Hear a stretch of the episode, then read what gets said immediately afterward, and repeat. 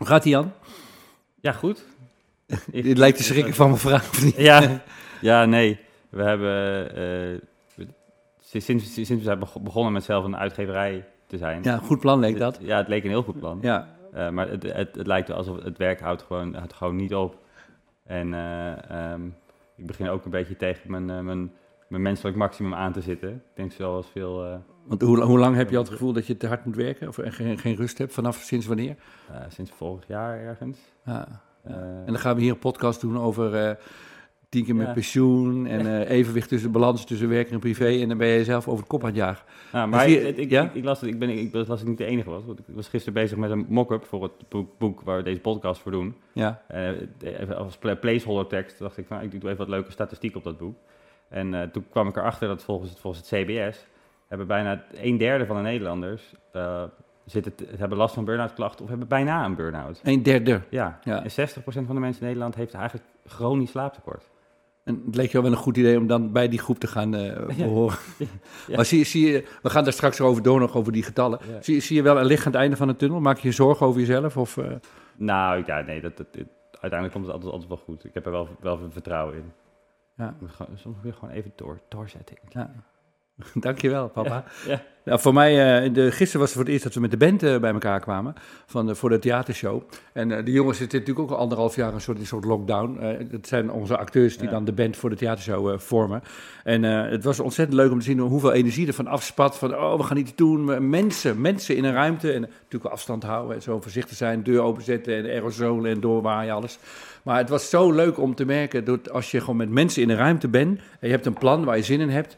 Hoe onvoorstelbaar veel energie er dan in de ruimte is. En hoe, hoe, hoe ik dat gemist heb. Dus dat is, dat is heel erg tof. Heel, gewoon heel erg leuk. Alleen die bijeenkomst al. En alleen het treurig is wel dat ik in de krant is las dat, de, de, de, dat ze nu al bezig zijn met dat in het najaar mogelijk alsnog anderhalve meter afstand houden, alsnog geen handen schudden. En dan is maar de vraag of mensen in theaterzalen natuurlijk überhaupt nog bij elkaar mogen komen. Nog, nog dan. Ja. Dus het zou zomaar kunnen zijn dat het, ehm, dat het gewoon alsnog weer wordt opgeschoven. Maar goed, dat zien we dan wel weer. Voor nu, eh, voor nu was dat heel... eh, Ja, als het, als het, het oefenen en het bedenken leuk was. Als het absoluut. niet doorgaat, heb je in ieder geval nog een leuke tijd gehad. Ja, precies. Beter dan andersom. Ja, en achter- van het een komt wel weer het ander. Dus, Ja. eh, eh, dus dat was dat. Eh, over, de, over, de, nog over Michiel Koster van Hollands, Hollands Kroon. En niet Hollandse Kroon, maar Hollands Kroon. Hollandse kroon. Hollands. Kroon, ja. Hollandse Kroon. en heb jij nog over nagedacht, dat gesprek? Nou, eigenlijk niet, als ik heel eerlijk ben. Want drukte het helaas, ja. Ik, ik, zou, ik zou willen dat ik ja kon zeggen. Nou, wat, wat mij, eh, ik heb wel nagedacht erover, want ik neem dit serieus, deze podcast. En eh, wat mij opvalt is eh, dat wij hebben, dat wij hadden allebei aan het einde van het gesprek, hadden, we kwamen tot de conclusie dat we een soort beeld hebben van mensen die bij gemeentes werken, dat die zijn suf en saai en die, zitten, als ze een paspoort moeten geven, gaan ze heel lang, lang over nadenken. En dat beeld klopt dus gewoon niet. Bij Hollands Kroon is het in ieder geval anders, maar ook onze persoonlijke ervaringen. Hier bijvoorbeeld bij gemeente Utrecht, Ja. bij eh, de stad, zijn eigenlijk allemaal positief. Eigenlijk van al mijn Kom ervaringen allemaal po- maar dan blijkbaar, de, en, maar dat geldt voor, toen dacht ik dat geldt eigenlijk ook voor de Nederlandse spoorwegen. Die hebben zo'n soort imago van dat het vervelend is, treinen rijden niet op tijd en zijn smerig en er is ruzie en eh, met de herfst liggen de bladeren. Terwijl de treinen doen het gewoon perfect. Ja. En af en toe gaat er eens iets mis. Maar zo hardnekkig zijn dat soort percepties. eh, Dus we schijnen eh, qua, qua, op, op, tijdrijden, op tijdrijdstatistiek, weet hoe je dat doet, ja, zijn wij op tijdrijdstatistiek, dat is een goede beste, woord. een van de beste landen ter wereld. Ja. En gezien hoe druk bevolkt ons land is en hoe druk het treinnetwerk is, is hebben, we het, het ook nog veel moeilijker dan andere landen. Het is een wonder Het is eigenlijk een wonder. dat het ja. rijdt. Ja, Ja. is zo, Ja. is zo. En toch vinden we NS-mensen domme, suffe mensen. Is de perceptie, hè, mensen van NS die dit horen, wij vinden jullie heel lief. Wij vinden jullie heel lief, alleen we zijn verbaasd over onze, onze perceptie die niet klopt met onze waarneming. Want daar, daar gaat het om. Ja. Maar dat is wel een interessante vraag. Dan waarom duurt het zo lang voordat zo'n zo'n perceptie op samenlevingsniveau, waarom past dat niet snel aan? Waarom vinden we de overheid suf en de NS suf? Want dat is, dat is wel wat we vinden met z'n allen. Ja. Als, je bij de, als je op een feestje bent... en Het is ook een sappig verhaal. Het verhaal is veel leuker. Dat je zegt, nou, mensen bij de gemeente, leuke mensen. Oké, maar je brein vindt dat geen leuk verhaal. Je brein vindt een heel leuk verhaal dat de trein niet op tijd rijdt. Dat is veel leuker.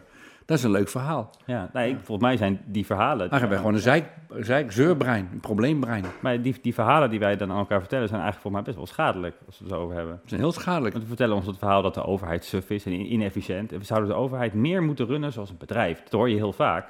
Het is toch een heel slecht idee, dat, als een bedrijf runnen. Dan, dat, dat, dat, dan, dan, dan, dan veranderen we de doelstelling van de overheid. Veranderen we dan in zoveel mogelijk geld uit de burger trekken. Als dat het doel is, want dan gaan we het vandaag ook hebben. Als dat het doel van het bedrijf is.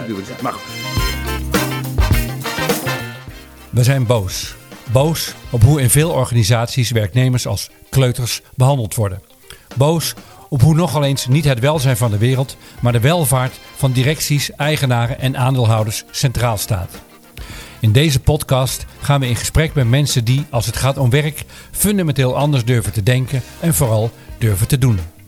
Met belangstelling luisteren we naar de verhalen van deze dwarsdenkers, pioniers, durvals, weirdo's, kortom, omdenkers. We hebben een gast en je hebt een aantal cijfers en getallen. Je noemde net al dingen, dus ik stel voor, we introduceren de gast. En die zit daar heel lang te wachten, die denkt ook, wat doe ik hier? En een uh, uh, hele, hele belangrijke gast, dus daar hebben we weer zo'n ronkende tekst voor. Ik hoop dat je hem dit keer een beetje foutloos uh, voorleest, dat is best een lange. en, en, dan, en dan, daarna, ja, die cijfers en getallen komen wel. En dan gaan we over tot, tot wie er vandaag is. Ja. Want het leuke is, dat wil ik er wel zeggen, het leuke van de vorige gast was dat je erachter kunt komen dat gemeentes kun je ook best leuk anders werken. Maar dat geldt ook voor advocatenkantoren. Maar ja. dat, niemand, ja. heeft, niemand heeft daar vooroordelen over, dat is heel Over advocatenkantoren, nee, dat, dat, is meest... Hij lacht daar wat over schamper mee. Ja, ik zou zeggen, ja. introduceer onze, onze hoofdgast uh, van vandaag. Onze gast van vandaag richtte samen met Harm Brugging in 2006 advocatenkantoor BVDV in Utrecht op. Hun intentie was het, en is het, om een organisatie te zijn die anders is dan de bestaande advocatenkantoren. Dus niet zo hard mogelijk werken en zoveel mogelijk geld verdienen in een hiërarchische structuur, maar werken op vertrouwen, openheid en gelijkwaardigheid en een gezonde balans tussen werk en privé. Daarom werken ze bij, bij BVDV met een omzetmaximum. Houden ze de kosten zo laag mogelijk, geen dikke leaseauto voor de baas. En als je aandeelhouder wordt, is dat per definitie voor beperkte duur. En er is nog veel meer te zeggen, en dat is precies dat wat we gaan doen. We gaan in gesprek met niemand minder dan Sjoerd van der Velde. Muziek, applaus, vuurwerk. Hallo Sjoerd, klopt de tekst een beetje? Ja, Sinds, uh, sinds wij kantoor begonnen zijn, is er in de tussentijd ook niet heel veel, uh, veel veranderd. We hebben geen leaseauto's, we, uh, we, de, we, delen de winst, we hebben een vierdaagse werkweek, we hebben een tijdelijk aandeelhouderschap. Dus, ja. ja, want alle, de, deze principes hadden jullie toen jullie begonnen en die heb je nog steeds? Hebben we nog steeds. In de tussentijd wel gemerkt dat het model misschien aan een aanpassing toe is inmiddels. Ja. nieuwe generatie, andere verlangens. En, maar het is een dynamisch model, dus bij ons kan het ook. Dus als, als de meerderheid wil dat we naar links gaan, gaan we naar links. Ja. Daar komt het uiteindelijk op neer. Voor, nou, voor we, uh, we hebben natuurlijk een hele batterij vragen en we hebben natuurlijk supergoed ons weer uh, voorbereid. En, uh, maar even voor de mensen die luisteren, kan je beschrijven wie, hoe, ziet, hoe ziet je de bedrijf eruit en volgens welke principes? We hebben een aantal dingen al genoemd natuurlijk in deze tekst, maar...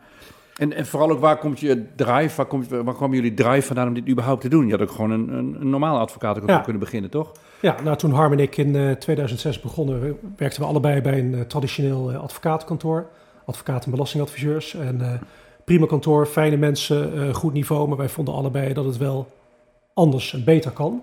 En met name door medewerkers meer bij de bedrijfsvoering te betrekken. En, zagen jullie, waren jullie vrienden? Zagen jullie elkaar vaak? Of voel je zagen elkaar vaak en, en, en, we werkten ook uh, regelmatig met elkaar samen. Ja, dus het was een soort werkklik, zeg maar. Ja, ja. ja. En Harm was advocaat en belastingadviseur en ik ben advocaat civielrecht. Dus dat is een hele mooie combinatie ook om een nieuw kantoor te beginnen mm -hmm. samen. En, uh, maar we dachten dat het beter kan. Uh, en, en, hoe kun je dan medewerkers betrekken bij de organisatie? Door ze zeggenschap te geven. Uh, zoals Ricardo Semler zegt, en dat was het boek dat wij toen allebei gelezen hebben. je moet gebruik maken van the wisdom of the crowd. Ja. dus we dachten, oké, we betrekken medewerkers door ze zeggenschap te geven. Maar dan moet je ze ook wel alle informatie geven die nodig is om van die zeggenschap gebruik te maken. Anders heb je er geen bal aan. Dus dan moet je ook volledig transparant zijn. Dus we hebben van begin af aan bedacht en ook zo uitgevoerd dat alle informatie voor iedereen beschikbaar is. Dat iedereen uh, gelijke zeggenschap heeft. En we hebben bepaalde financiële formules bedacht waarbij iedereen er belang bij heeft dat de kosten van de hele onderneming laag zijn. Uh, Want lage kosten betekent je break-even punten sneller bereikt. Ja. Dat betekent dat je niet zo hard hoeft te werken. Klopt, uh, want wij hebben een, een, formule waarbij we aan het eind van het jaar kijken naar het totaal van de kosten. En dat zetten we af tegen het gemiddelde uurtarief. -hmm. En dan weet je uitgedrukt in het gemiddelde uurtarief hoeveel uur iedereen moet werken om het kantoor break-even te laten draaien. En als het kantoor break-even draait, we zitten op het BEP, noemen we dat dan. Dan zijn alle break-even point. Ja. BEP. Ja. ja, dan zijn alle kosten voldaan. Mijn moeder ook, zo heet mijn moeder ook. op terzijde. Ja. Alle kosten voldaan van het, van het, van het pand, van de, van de basissalarissen, de know-how, alles. En dan mag vervolgens iedereen de helft van zijn of haar eigen omzet boven dat BEP houden. Dus dan heb je een basissalaris mm -hmm. en je hebt een bonus, hè, dus je deelt mee in de winst. Dat hebben we wel gemaximeerd, omdat we die bonusprikkel ja, die moet ook niet pervers zijn. Hè? Dus boven een bepaald aantal... Even, je gaat even, even, Ja. te snel. Dit, dit werkt natuurlijk met een model waarbij alle medewerkers zich ook als ondernemer kunnen opstellen en hun Ja. eigen omzet kunnen genereren. Ook. Ja. Dus je zou- zou kunnen zeggen, het is een model van een verzameling ondernemers. Kan je, mag ik dat zo zeggen? Klopt. En eh, ook een model dat geschikt is eh, voor eh, iedereen die dan zelf ook echt inderdaad omzet maakt. En daarmee is het ook geen blauwdruk voor, voor andere bedrijven. Want jullie, wat ik wel een van de vragen die ik had, is: hebben jullie bijvoorbeeld ook secretaresses of mensen die niet omzet gekoppeld eh, werk? En hoe doe, je, hoe, doe je, hoe doe je dat dan qua We hebben twee secretaresses die, eh, die eh, van allerlei werkzaamheden verrichten, ook de debiteur, administratie enzovoort. Die draaien. Twee maar op de. Want Twee, in ja. totaal zijn er 20 mensen, heb je dat goed? Ja, ik denk dat we nu zo rond de 25 zijn 25, in totaal. ja. Ja. Dat is heel weinig. Ja, het is wel de bedoeling dat iedereen zoveel mogelijk zelf doet, want dat is goed voor het BEP. Hè? Ja, hoe, lager, ja, het- precies. hoe lager het BEP, hoe eerder die eh, bonusdrempel eh, bereikt wordt. En, ehm, dus op het moment dat je iemand extra aan, eh, aanneemt, bijvoorbeeld om vakantiedagen bij te houden en andere dingen, dat doen we dus ook niet. Maar dat is niet goed voor het BEP. Hè? Ja. Dus, eh, Ja. ehm, maar dat is een hele goede vraag over de secretaresse, want die kunnen niet bij ons meedraaien Nee. in die financiële formule. Nee. Ze mogen wel, zoals iedereen bij ons, elk jaar hun eigen salaris bepalen Mhm. wel binnen bepaalde grenzen. Eh krijgen ook elk jaar een bonus. Ehm, maar die is meer subjectief dan anders dan bij de. Ja, die kan je niet zo hard koppelen aan omzet of Nee. uren of de- wat je kunt factureren. Nee, helemaal niet zelfs. Nee, Nee, dat klopt. Ja. Dus daar zit ook een bepaalde subjectieve factor in. Ja, Maar dat gebeurt in overleg en eh, Ja. eh, naar wederzijds goed vinden, neem ik aan. En, Ja. transparant, open, dat. ja, elk jaar hebben we een, een, een overleg. Met z'n allen zitten we aan een grote tafel. En dan maken we een rondje van, eh, nou, wat wil jij volgend jaar verdienen? En jij, Mhm. en dan, eh, ja, niemand wil minder in de praktijk. Ja. Hè? Iedereen wil eigenlijk altijd meer. Ja, is dat zo? Ja, ja. En, ehm, maar ook daar hebben we wel weer een, een formule op bedacht waar, waarmee het uit kan. Je gaat even Ja. iets te snel. Want, eh, even, ik wil even terug naar... Jij bent met Harm aan het nadenken, wil het anders. En je, je zit nog bij een bestaand bureau, bestaand bedrijf. Ja. En wat, wat zijn zo de eerste stappen die jullie gezet hebben? Eh, hoe Aangeven. zijn jullie begonnen? Aangegeven bij de Kamer van Koophandel, wou je zeggen, of niet? Ja, we zijn, we zijn met z'n tweeën begonnen op, eh, op zolder bij, eh, bij Harm thuis. Hè? Heel romantisch eigenlijk, hè? zo'n zo, zo'n start. En Ja. op een gegeven moment een, eh, een pand gezocht en gevonden en wat mensen van elders aantrekken. Hè, want dat is toch het model in de advocatuur. Hè? Je, hebt, je, hebt, je, hebt, je hebt aandeelhouders, die zitten dan in de top van de piramide. En daaronder heb je dan medewerkers, die maken omzet. En daardoor verdien je als aandeelhouder meer dan, dan de medewerker, hè? leverage. Ja. Ehm, dus wij eh, zijn begonnen met andere mensen te zoeken. Dat was nog best Maar lastig. ik, neem, ik neem aan dat dit kan je zeggen omdat jullie met z'n tweeën... Al, jullie hadden, hadden al een aantal klanten, Ja. jullie organisatie liep. Ja. eh, en je, je kon al vrij snel gaan denken dan aan uitbreiding, neem Ja. ik aan. Nee, dat ging al vrij snel goed. We hadden klanten die, eh, die graag met ons mee overstapten. Ja. Dat was nog wel lastig om nieuwe medewerkers te vinden. Want probeer maar eens uit te leggen dat het helemaal niet gek is om vier dagen te werken. Die, alles wat je net opnoemde, met z'n tweeën op, zol, op zolderkamer, hadden die dat, al, dat was jullie uitgangspunt. Zo gaan we dit doen. En als er mensen Ja. bij komen, is dit ons model. Ja, zelfs eh, eh, alle financiële formules op een paar aanpassingen onderweg na. Die, eh, die, zijn toen al En bedacht. dan ga je met advocaten praten en belastingadviseurs, Ja. die snappen dit. Ja, belastingadviseurs misschien beter dan advocaten, want die kunnen rekenen. Hè? Ja. Hoe, hoe valt dat dan, zo'n verhaal?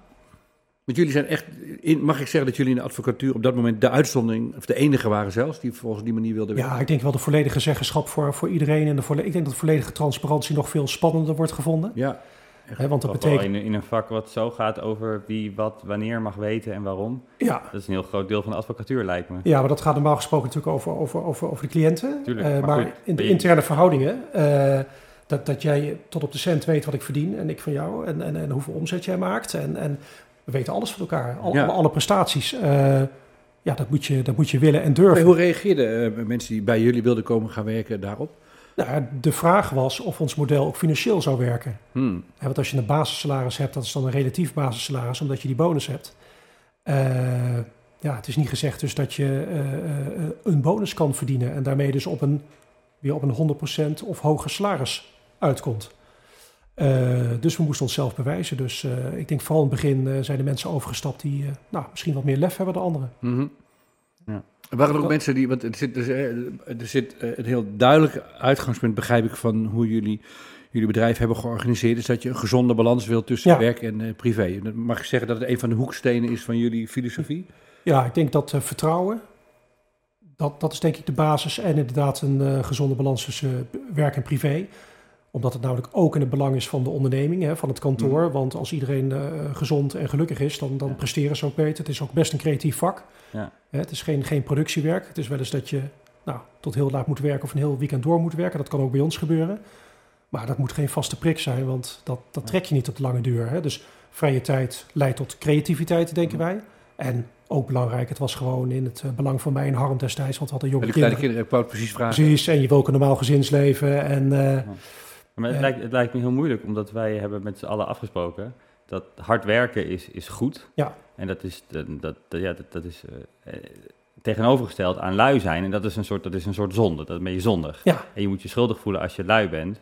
En ehm, zelfs eh, als, als jij dit nu zit te vertellen, zit je het, het niet werken te framen op een manier dat het goed is voor werk. Zo, niet werken leidt Ja. tot creativiteit. ja. Maar je zegt niet, niet werken is gewoon ja, fijn, omdat Omdat niet werken niet werken is fijn, ja. Nou, maar ik denk dat eh, op het moment dat je wel werkt, dat je eh, eh, presteert op een hoger niveau. Ja, nee, dat, dat, de, dat, kwaliteit wordt ja, beter. dat ontken ik zeker niet. Maar En- wat, ik, wat ik er dan interessant aan vind, is we vinden werk zo belangrijk, dat, en we vinden niet werken zo, zo zondig en zo nutteloos, Ja, dat, dat mensen heel erg moeite mee hebben om, om, ja, om expres niet te werken. Ja. En ja, ik, ik vraag me af of dat voor jullie ook een, een obstakel is geweest bij mensen. Dat je zegt van, joh, neem, nou even, neem nou even vrij. Toen Ja, wel, toen Toen, wel. toen was het echt een obstakel, want het is gewoon niet zo cool. Hè? Je, Ja, je, als, als jong advocaat denk je wil gewoon... Bij mijn kinderen zijn en rustig aan doen. En gewoon bijtanken. En, ja. Hè, nee, maar de jonge advocaat wil gewoon Goeie auto. ja, dat, of gewoon met, met, met grote zaken, met veel nullen bezig zijn. eh, eh, als laatste het licht uitdoen op kantoor en zo. Dat hoort erbij en op vrijdag de kroeg in. Ja, Hè, Ja. toch dat? Ja. En de zaterdag weer, eh, weer aan de slag. En dat is ook prima, daar is ook helemaal niks mis mee. En dat kun je lange tijd eh, zo doen, maar niet structureel, denken wij. Ja. En, eh, maar in het begin was het moeilijk om mensen over te halen om eh, bij ons in te stappen. Het is later makkelijker geworden. Waren er ook mensen die, die zich juist heel erg aangesproken voelden, die, die jullie behoefte herkenden? Ja, ook. Want, want wat, wat bij ons aantrekkelijk is, is natuurlijk dat het ook heel ondernemend is. Hè? Dus er wordt wel assertiviteit verwacht en, en, en dat je initiatief neemt en dat je besluitvaardig bent. Dat je meedenkt over de reilen en zeilen van de onderneming. Ehm, en je, je kan dus eh, richting bepalen. Dat, dat is heel interessant. Ja. Ja. De, eh, ik had gezegd, even, je hebt een aantal cijfers en getallen. Ja. Zullen we die, voordat ik dat vergeet, want mensen die niet luisteren denken, waar blijven nou de cijfers en Ja. getallen? Want dan zitten we helemaal Ja. zo diep in dit gesprek. En die raken ook allemaal uitgangspunten waar we het nu ook over hebben. Zelf voordat je, dan ben jij er ook maar kwijt, dat je die er doorheen jast. Nee, En dan, gaan we, dan pikken we de draad weer op. En, en belangrijk, eh, we hebben dit gesprek ook weer eh, structuur. Heel veel structuur, want Sjoerd heeft nagedacht over drie lessons learned. Soort dingen die je in de tijd geleerd hebt. En die en een soort richtlijn voor dit gesprek. Dus we hebben nog twee. Ik doe een beetje dit gesprek eh, structureren. Fijn hè? Ja, heel Doe, fijn. doe jij even je getallen? Nou, ik, ik was dus ik was bezig met het mock-up maken van, van het nieuwe boekje. Ik dacht, nou, ik schrijf even een leuke tijdelijke tekst voor de achterkant. En dat werd uiteindelijk een beetje een deep dive in, in hoe, hoe we werken. En ik schrok heel erg van de cijfers, dus ik heb ze even opgeschreven. En eh, nou, een ge- een gemiddeld volwassen persoon kan verwachten in zijn leven ongeveer 90 90.000 uur te werken. Zeg maar een, een, een ruimschoots eh, een, een derde van je volwassen leven besteed je aan werk. En toch volgens een, een recente Gallup-poll uit 2019, van hebben ze bijna een miljoen mensen wereldwijd hebben ze ondervraagd. En 85% van de mensen wereldwijd vinden hun werk niet leuk. 85 85%. Volgens het, volgens het TNO loopt meer dan een miljoen Nederlanders jaarlijks risico op een burn-out. 1 miljoen, ik haal het al even. Ja. Bijna een derde van de Nederlanders is zeer vermoeid. 42% van werknemers ervaart stress en druk tijdens vakantie om contact te blijven houden met werkgever. 42 procent. Ja. Ja. En eh 60% van werknemers in Nederland heeft slaaptekort. 60 procent Ja. heeft slaaptekort. Ja. Ja. Als je het allemaal leest, dan denk je toch wel dat het idee dat werk zwaar en niet leuk is, ehm, dat dat een soort heel belangrijk onderdeel is van ons leven. Dus ik, ik vraag me af, waarom vullen we allemaal ons leven met iets wat we niet leuk vinden? Zijn we daar echt dan, zijn we daarvoor geboren op deze aarde? En waarom lukt het ons niet om, waarom lukt het ons wel om, om AI-gestuurde Marsrobots te maken die daar een helikopter kunnen sturen, maar kunnen we niet zoiets simpels als gewoon ons werk leuk maken met z'n allen? Waarom lukt dat niet? Vraag je het nu aan Sjoerd of in het Nee, dat, algemeen? dat, dat, dat is gewoon, nee, dat is de vraag die ik, die, ik, die ik me afstel over onze samenleving. Ja. Waar, zijn we waar de fuck zijn we mee bezig? Herken jij Als dat niet lukt. Dit? ja, ik vraag me alleen af of dat slaapgebrek dan direct gerelateerd is aan het werk. Hè? Ja, dat is, dat Dus als je jonge kinderen hebt, Ja. dan ben je, ben je ook het bokje. hè. Ja. Eh, eh, ik kan erover meepraten. ja. Nee, dat, weet- dat, dat, dat weet ik ook niet. Maar Ik denk ook dat mensen te veel prikkels binnenkrijgen. Hè? Die constante bereikbaarheid, eh, telefoon. eh, ook eh, voordat ik hier de studio binnenstap, kijk nog even op mijn Mhm. telefoon of ik mail heb, apps heb. Ja. Eh, S S'avonds ook. eh, dat, is, dat is niet per se gezond. Maar ik denk wel dat je kunt zeggen, uit wat je, hoe je ook vertelde, hoe jullie begonnen zijn. jonge mannen, jonge kinderen, Ja. gezin, ander bureau. Dat, dat je dat van dit soort getallen ook echt bewust weg wilde doen. Dan mag ik dat zo zeggen? Ja, zeker. Want, want wij zagen eh, wat dat betreft eh, niet, niet, niet per se bij het kantoor waar we toen werkzaam waren, maar ook wel elders veel burn-out. Ja. Eh, misschien, misschien ook wel, ja, als de man of de vrouw altijd op kantoor is en alleen met collega's omgaat. Dat werkt misschien ook wel de echtscheiding in de hand, hè, of een privé-ellende. Of, daar wilden wij zeker ver weg van blijven. En ook in de afgelopen, sinds kort, kort geleden, stonden wij 15 jaar. En we hebben nog nooit een werkgerelateerde burn-out gehad. Is iemand wel eens een keer eh, even Wow. thuis geweest door, door nou, wat privé-bezonjes. Maar niet werkgerelateerd. Terwijl er bij ons ook wel echt heel hard wordt gewerkt. Ja, ja. En ik denk dat het komt, maar dat is, dat is maar een veronderstelling. Omdat je, ja, als het je niet bevalt bij ons... en er zijn meerdere mensen die, die, die, die, die ook bepaalde klachten hebben... dan kun je kantoor een andere richting opduwen bij een kantooroverleg. Hè? Dus ook, ik denk het idee dat je er wat aan kan doen... is denk ik al heel prettig. Ja. De, de, de, de beleven van controle, illusie Ja, van controle, ja. zeg maar. Nou, het is nog ineens een illusie, maar... Het is een de- feit, hè? Je, Ja. je kunt... Je, Ja. Ja, en eh, nou, heel veel dingen die je noemt, die, die, die, die herken ik wel. eh, want toen je me vroeg van eh, welke, welke drie dingen heb ik nou eh, Ja. de afgelopen Gaan we, jaren eraan geleerd. beginnen? Gaan we eraan beginnen? Ja, ik denk dat, dat, heerlijk. Ah. Ja. zijn die, die constante bereikbaarheid, bijvoorbeeld ook op vakantie. Hè? Een, een, van, eh, een van de eh, boeken van Ricardo Semler in de Nederlandse vertaling heet Zeven dagen weekend. Ja. Nou, hartstikke mooi. Hè? Als je op dinsdag vrij wil nemen, doe dat. Als je op eh, donderdagochtend naar de bioscoop wil, Ga als eentje op, ga. Ja. Maar de andere kant van diezelfde medaille is natuurlijk dat je dan ook wel eens op zaterdag moet werken. Hè? Zeven dagen weekend is ook zeven dagen werken of zeven dagen bereikbaar zijn. Dus dat vereist een enorme flexibiliteit. Dat verwachten wij ook van medewerkers. En laatst hoorde ik zoiets dat er volgens mij wetgeving in de maak is, of dat nou in, in het buitenland. PvdA, ja, ik heb het gelezen. Ja. In Frankrijk is het al zo en dat, Ja. je, dat je baas je niet mag bereiken, privé. En dat, dat, dat lijkt mij op zichzelf best oké, maar Ja, bij is een model wel. als dat van ons pak je dan alleen de lusten en niet de lasten. Nou, dus het is wel, Ja. dus wel een, een, een, een- daar een Ja, ik sterk vind het bij. treurig. Ik vind De, het, de- ik weet dat de, de Franse eh, werk, werk, eh, eh, de Franse wetgeving werkt zo dat als je, je baas mag je niet verplichten om buiten werkuren je mail te openen. Dat vind ik wel een belangrijk verschil. Jouw maar werkgever ik, mag ik vind het, ik vind het hele, hele voorbeeld iets wat, dat de overheid iets gaat proberen te regelen. De kunst is het om verstandige mensen dat onderling te laten regelen. Ja. En als ze dat niet kunnen regelen, dan kunnen ze met wetgeving ook niet. Dan, eh, de- dus Ja. de- je probeert, dit is een goed probleem, maar een verkeerde oplossing naar mijn Ik overtuiging. denk het ook, ja. Ja. ja. Maar dat, dat, dat is een van de dingen die ik heb geleerd. Dat, dat ons dat vergt, enorm, dat vergt zelfdiscipline. Hè? Om, Ja. om, want je moet het zelf dus voortdurend zien. Je moet je rust nemen in je, in je, Ja. je dagen, maar ook kunnen werken in de weekenden. Op zo'n manier dat het organisch blijft. Ja. Ik, ik als ondernemer heb altijd, ik vind het heerlijk. Ik doe niet anders. Nee, Ik, voor mijn gevoel werk ik altijd, maar voor mijn gevoel heb ik ook altijd vrij. Dat, ik kan Ja, het niet precies. precies. Ik weet het gewoon niet. nee, nee dat, ik dat, loopt, zin in heb. dat loopt zo in elkaar over. En ik ben voor kantoorgenoten ook altijd, als het moet, in het weekend bereikbaar. En ik stuur ook wel eens een appje aan een medewerker in het weekend. Maar jullie hebben les geleerd, zei je, op dit gebied. Jullie, Nou, ik vraag, ik vraag mij af of dit nog wel zo past. je bent een was les bij- aan het leren, bedoel je? Bij, ja, bij deze, bij deze hè, wat was gezegd, de nieuwe generatie, de millennials, die willen dat misschien niet meer. Hm. Eh, dat, je, dat je in het weekend nog, eh, eh, nou, zoals dat dan gevoeld wordt, lastiggevallen en heb je, heb door kantoorgenoten. Heb je, heb je signalen? Hebben jullie onderling daar klachten of fr- fricties over? Hoe, tot, wat gebeurt er waardoor je tot deze eh, vraag komt? Nou, ik, ik, ik denk dat de, de, de oude garde er wat anders in staat dan de jongere garde. En ik weet eh, dat daar eh, door sommige mensen wel eens over geklaagd is, dat het in het weekend gewoon zo doorloopt. Ehm, nou, het is wel denk ik belangrijk dat we daar met z'n allen naar kijken van, van, van eh, hoe gaan we nou met elkaar om. Hè? Ja. Ja, ik, herken dat, ik herken dat heel erg uit mijn persoonlijke ervaring. Mhm. Dat je, je het, het, het idee dat je, je je telefoon, je WhatsApp en je mail constant zich kan gaan vullen met dingen die jij zou moeten doen.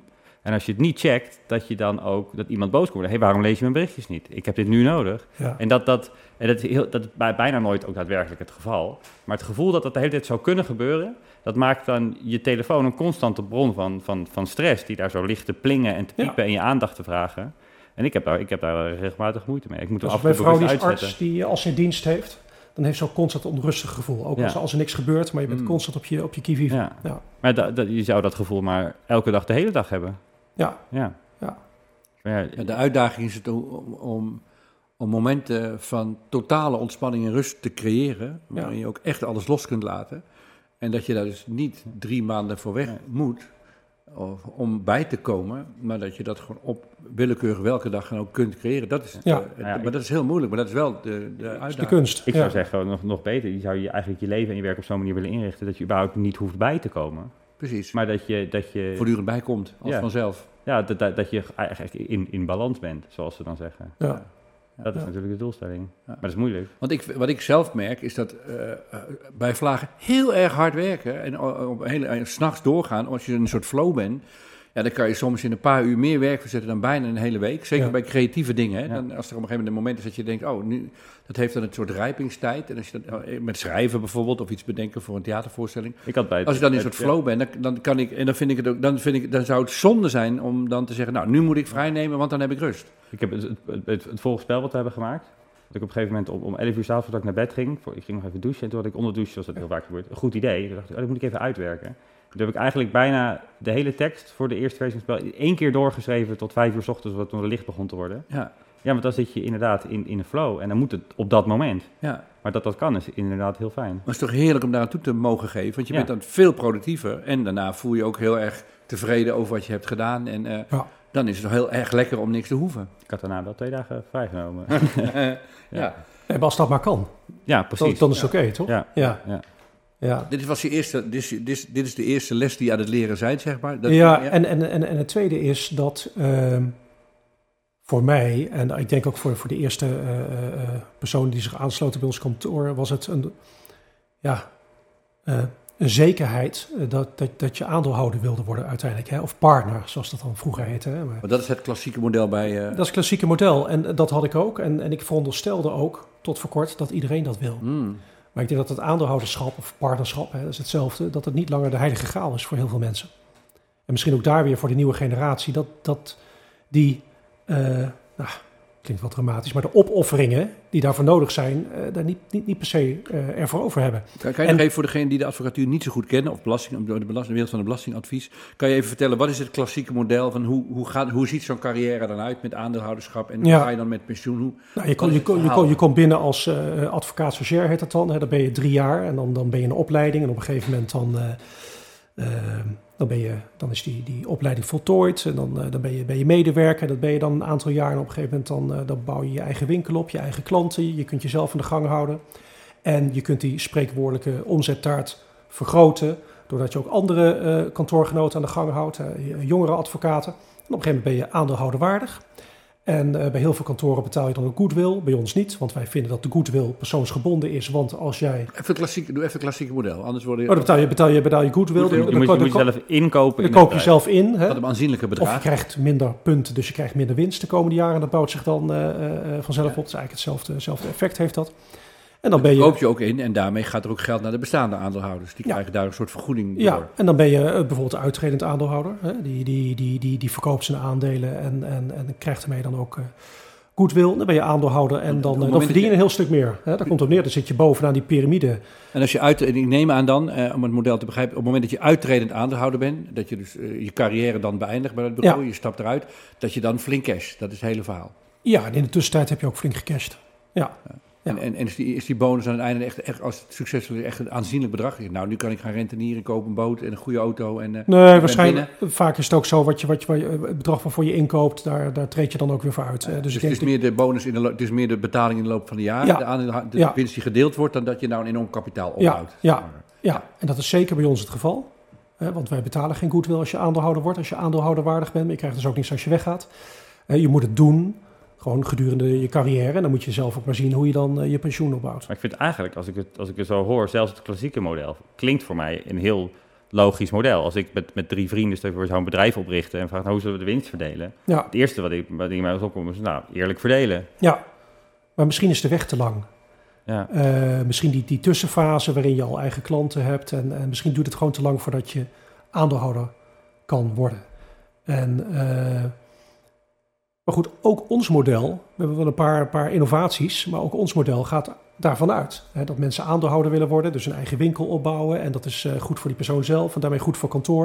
En daarmee goed voor de op dat moment bestaande aandeelhouders. Als iemand dat niet wil, of eh, op een gegeven moment die laatste stap niet wil of kan zetten, ja, dat, dat, dat is uiteindelijk voor niemand goed in ons, eh, in, ook, ook niet in ons model.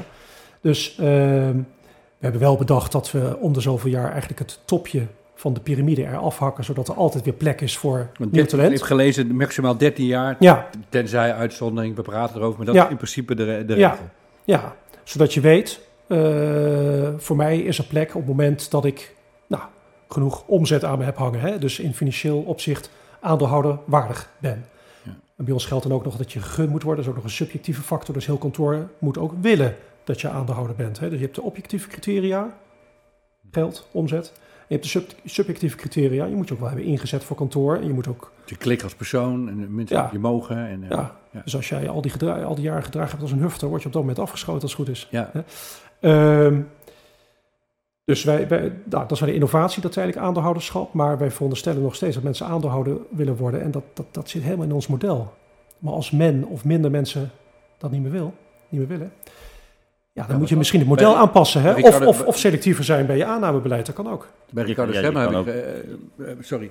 Nee, ik wou Ja? zeggen, je kan ook gewoon eerlijk zijn en zeggen van nou, als je niet een aandeelhouder wordt, dan is dit misschien niet het bedrijf voor jou. Er zijn genoeg andere bedrijven. Ja, zou kunnen. Ik weet niet of wij dat... Maar ook dat bepaalt uiteindelijk weer de groep bij ons. Ja. Ik denk dat het erop neer gaat komen dat er een, een extra positie wordt gecreëerd voor mensen die nou, geen aandeelhouder worden, maar eh, eh, eh, geen aandeelhouder worden, maar ja, medewerker, maar dan wel met een bepaalde positie, eh, financiële component. Nou, een van de dingen Ja. die ik eh, over Ricardo Stemmer sprekend gelezen heb, wat ik heel charmante gedachte vond, want hij staat natuurlijk ook te harken met hoe beloon ik mensen nu. Ja. En, en, en wat ik me meen te herinneren uit een van de boeken die hij geschreven heeft, dat hij ook zegt, ik heb eh, iets van eh, 12 of 13 of 14 systemen naast elkaar. Hij zegt als mensen een vast inkomen willen, omdat ze in een bepaalde levensfase zitten met kleine kinderen en zekerheid willen, nou prima. Als mensen meer ondernemer zijn, ook prima. Ja.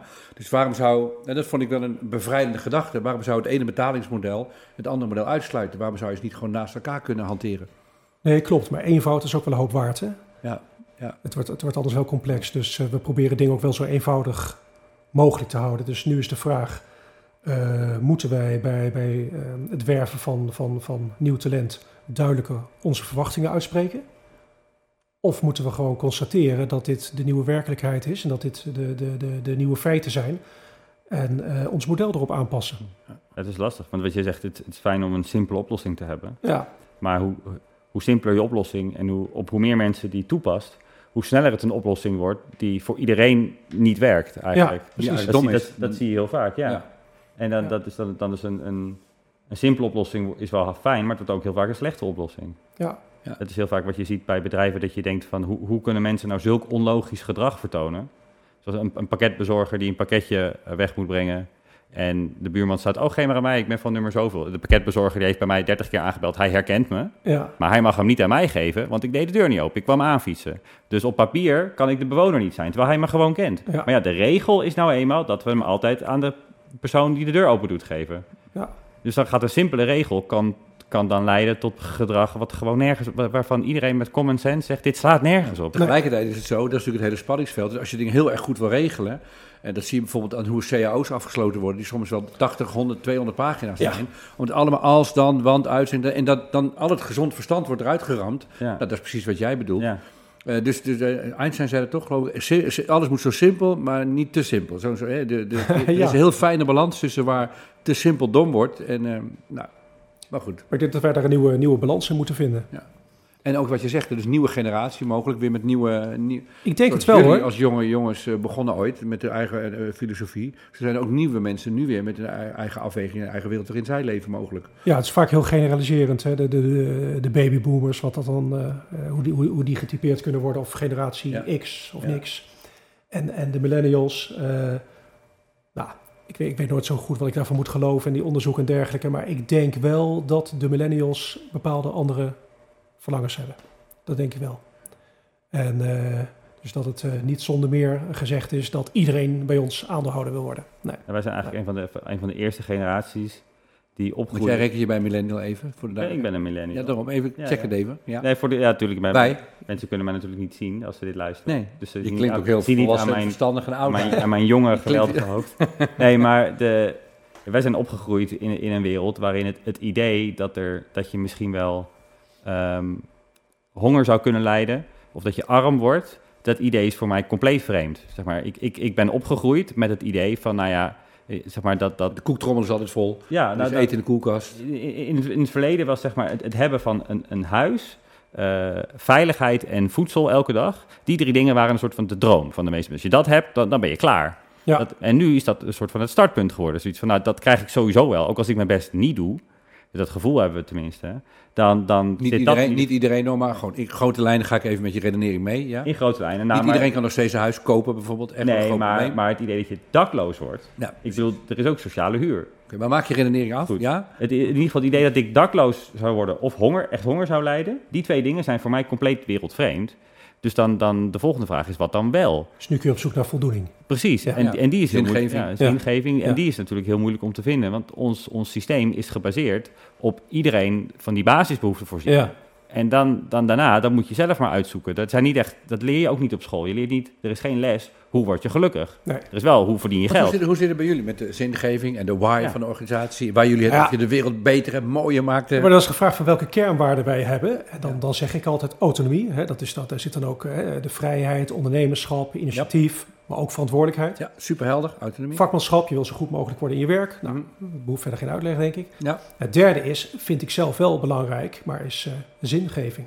Maar toen ik op het begin op kantoor had eh, over zingeving, over purpose. eh, kijk, als doe eens normaal met je purpose. Hè? Een advocatenkantoor, wat, wat ja, we, doen wat we doen. En, en, en ja, daar hebben ze ook wel een punt. Hè? Ik ben af en toe ook wel wat, ja, een beetje, een beetje kriebels van die, van, die, van, die, van die modieuze begrippen. En de, maar ja, iedereen wil toch wel voldoening halen uit zijn werk. Hè? Je wilt toch, je wilt toch eh, eh, Als een klant blij is, of je hebt iets voor iemand betekend, je hebt iemand geholpen, is toch fijn? Ja, maar je kunt er toch veel verder in gaan. Hè? Welke klanten je bedient, eh, dus, dus wa- wat voor soort klanten je bijstaat. En en nou, nog niet zo lang geleden zag ik de advocatuur als gewoon een intellectuele uitdaging. Hè? Jij komt bij mij als klant met iets en ik ga jou helpen.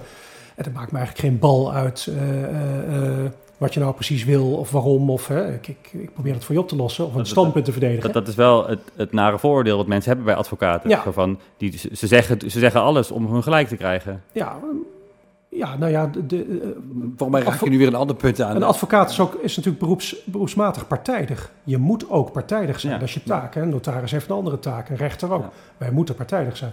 Maar daarmee is niet gezegd dat wij iedereen maar moeten bedienen die zich aandient. Hè? We hebben wel een eet afgelegd, maar niet zoals artsen van, die, van, van de Hippocrates. Wij mogen kiezen wie we bedienen. Ja. En, En je- eh, als je zou willen, heb je natuurlijk de ruimte om eh, v- voor, voor niets of voor een lager fee te werken. Ja. Voor iets waar je denkt, nou, dan, help ik, dan word ik er maar een beetje een mooiere, mooiere wereld Ja, als ik die mensen ga helpen. ja, aan de andere kant realiseer ik me ook dat ik inmiddels makkelijk praten heb. Eh, Ik ben al een tijdje advocaat, eh, best goed verdiend eh, de, de, de, de afgelopen jaren. Dus het heeft ook, nou, ik ben ook wel een beetje een salonsocialist op die manier. Hè? Maar Dat, dat, dat, maar- ja, maar dat, maar- klinkt, dat klinkt heel negatief. Maar ik kan, het- je kan het niet positiever labelen. Dat, eh, je bent nog wel een stuk jonger dan ik, want je bent nog niet gevaccineerd, heb ik in het begin eh, gehoord. Dus, eh, maar dat, dat het ook een, ehm, zeg, een- nou, plicht is een groot woord, maar een, een fijne mogelijkheid is dat als je een bepaalde leeftijd hebt en je hoeft je Ja. over geld wat minder zorgen te maken, dat het dan fijn is om na te denken, nou, wie, wie zou ik gelukkig kunnen maken met wat ik doe, met Ja. wat wij doen. Ja. Dat is toch ook fijn gewoon? maar ik denk dat zingeving wel ook blijer van. voor ons kantoor, voor mij, en ik denk ook voor ons kantoor, eh, belangrijk is of zou, zou moeten zijn. En daar zijn we de laatste tijd ook mee bezig. Dus dat we kijken van wat voor soort andere klanten we kunnen bedienen. Er worden allerlei initiatieven eh, genomen. Dus ik vind dat een, eh, een hele mooie, mooie ontwikkeling. De, de tweede les, hadden we die nou gehad? Of de tweede les die je geleerd had? Of Ja. hadden die was, er, herhaal hem nog even, want ik, ik ben niet zo snel. Wat, wat had ik? Had ik de, de, de, flexibiliteit die, die van je verlangd wordt. hè, zeven dagen weekend is ook zeven dagen Ja. bereikbaar zijn. Ehm, dat, dat dat wringt. Eh, dat, dat tweede is dat het aandeelhouderschap niet meer per se de heilige graal is voor Ja. jong talent. En het derde is, denk ik, dat ja, ik vind, ik vind ons model nog steeds ja, prachtig. Het, het werkt hartstikke goed. Maar ehm, het is wel voor een bepaald type persoon vooral geschikt. Hè? Mhm. Voor assertieve mensen die voor zichzelf opkomen, die, die op een bepaald moment weten wat ze willen. Hè? Dat kan bij ons van alles. En Je kunt je eigen winkel opbouwen en je, je kan je specialiseren op een gebied wat, je- wat, je, wat jij interessant vindt. Maar je moet het wel allemaal zelf doen en regelen. En als je iets niet bevalt, moet je bij kantooroverleg wel je mond open trekken. Dus het, het, Moet Dat- goed ja, kunnen communiceren. ja, Dat, en, is ook, dat is ook moeilijk. dat is ook heel moeilijk. Ja. En ehm, ja, dan moet je ook een, een, een, zoals het wel eens genoemd wordt, een veilige cultuur hebben. Hè? Dat Mhm. iedereen zich ook vrij voelt om te zeggen wat hij, wat hij vindt. Volgens mij bestaat die veiligheid bij ons ook, maar je moet wel constant op blijven letten. Hè, dat, dat ja, de dynamiek bij zo'n kantooroverleg, hè, wie heeft de grootste waffel, eh, eh, eh, trekt hij dan langs de eind. Je moet ervoor zorgen dat iedereen ook wel zijn, zijn, zijn, zijn zegje kan doen. Dus je moet daar. En we hebben onlangs hebben we daar ook iemand voor aangetrokken die ons daarbij ook gaat helpen. Mhm. En ik denk ook vooral goed voor de jongere medewerkers. Hè, met loopbaanbegeleiding en, en, en, en iemand die in de gaten houdt. Of nou ja, wat ook wel eens populair wordt gezegd, eh, de, de, de happiness officer. Of, Mhm. ik denk dat dat ook bij ons heel nuttig kan zijn. Omdat we altijd hebben gedacht dat we alles zelf wel eh, kunnen regelen. Maar ik denk dat het goed is om een jonger, een jonge persoon van buiten met een frisse blik naar ons kantoor kijkt in onze cultuur en gesprekken voert met mensen en kijkt van nou ben je nog wel gelukkig hier eh, met wat je doet en zo niet hoe kan het anders? Ja. Hebben, hebben, hebben wij jou de belangrijkste vragen gesteld? Nou, ik heb, ik heb nog wel, wel één, één, nou, één ding wat ik me afvraag. eh, is, is nou, mensen komen dus bij jullie werken. En ik neem aan eh, dat jullie ook mensen aannemen of nou, eh, eh, mede-eigenaar maken... die al een hele tijd in andere bedrijven hebben gewerkt. Ja. En hoe, hoe vinden zij het om in zo'n omgeving te werken? Nou, daar zijn we heel kritisch op als, als mensen zich aandienen, want die, die, die zijn zulke andere dingen gewend. Ja. Dus we hebben geen, geen telefoon van de zaak, geen auto van de zaak. Je moet heel veel dingen zelf doen. Er is wel ondersteuning, maar je, ja. Je bent je eigen secretaresse 80% van de tijd? ja, als je niet goed kan typen, haal een typediploma. Ja. Dat betalen we dan wel, de regelen wel, alles, alles Ja. kan. Maar eh, doe vooral eh, dingen zelf. En het is een hele, hele, hele platte organisatie. Hè? Dus ehm, je wordt ook te pas en soms ook te onpas door jongere medewerkers aangesproken hè? Op, op, op, op dingen. Daar moet, je, daar moet je tegen kunnen. Help me even met dit of dat. Hoe zit het met zus of zo? Dat, ja, maar ook bijvoorbeeld bij, bij vakoverleg, dan wordt de jurisprudentie eh, doorgenomen. En dan ben jij bijvoorbeeld vandaag aan de beurt. En als je denkt van, nou, ik heb niet zo goed voorbereid, maar goed, ik, ik loop er al jaren rond. Ik vertel nog Kom er wel mee weg. En dan kom ik wel mee weg. Dat, nou, niet. Ah, Niet. Moet je ook tegen kunnen. Ja. Ja, dan moet je tegen kunnen als je erop aangesproken wordt Ja. door, eh, door Heel jong die, iemand. Die, die, een net heel komt, jong iemand. die net komt kijken, ja. Door een snotneus. Ja, ja, Ja. dus dat, dat, is, eh, dat gaat, ja, dat is allemaal heel anders, denk ik. En, dus we zijn er heel kritisch op op mensen, eh, dat mensen bij ons die al eh, ergens anders langere tijd hebben gewerkt, eh, Ja. bij ons aan de slag willen. En soms gaat het goed, soms niet. Ja, ja. Volgens mij zijn we aan het einde van dit gesprek Ja. gekomen. Ehm, eh, nog laatste opmerkingen, Sjoerd. Zijn we er doorheen? Hebben we het gezegd wat we wilden zeggen? ik denk het. Ja, Waarschijnlijk als ik straks naar buiten loop, dan denk ik... verdomd. daarom. eh, maar goed, mensen, het, en mensen kunnen, ja, daarom, mensen kunnen op internet ook eh, zoeken naar jullie bureau. Jullie zitten tegenover de stad Schouwburg in Utrecht. Fiets er Ja. altijd langs. En nu heb ik er een verhaal bij. Ja, ja. Door ontzettend toffe plek om een bureau te hebben, lijkt mij. Ja. Ja, Echt een helemaal mooie locatie. Ja. een jongensdroom eigenlijk. Ja, ik Ja, zei, eh, eigenlijk dat, dat, ja. een laag BEP is, is, is gunstig voor iedereen, maar eh, dat leidt ook niet tot verschaling. Hè? Sommige dingen mogen gewoon geld kosten. Ja, precies. Ja, dus Ja, dat is, mee. eh, ja. Dank voor je tijd en aandacht. En, en we blijven je volgen natuurlijk. Dankjewel. Dankjewel.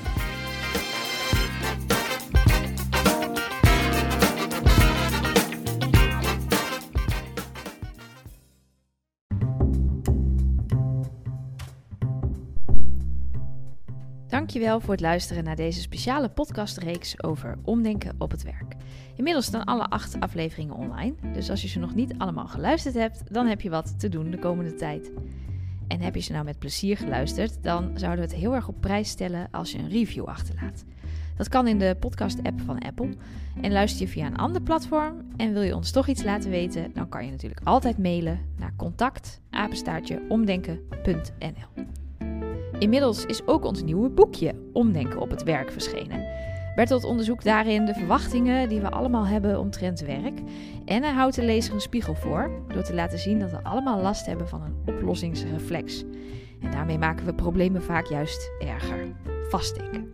Maar hij behandelt uiteraard ook hoe dan wel.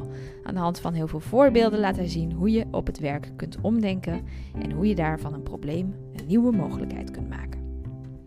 En denk je nou naar aanleiding van deze podcast, nou, bij mij op het werk kunnen ze ook wel een beetje omdenken gebruiken.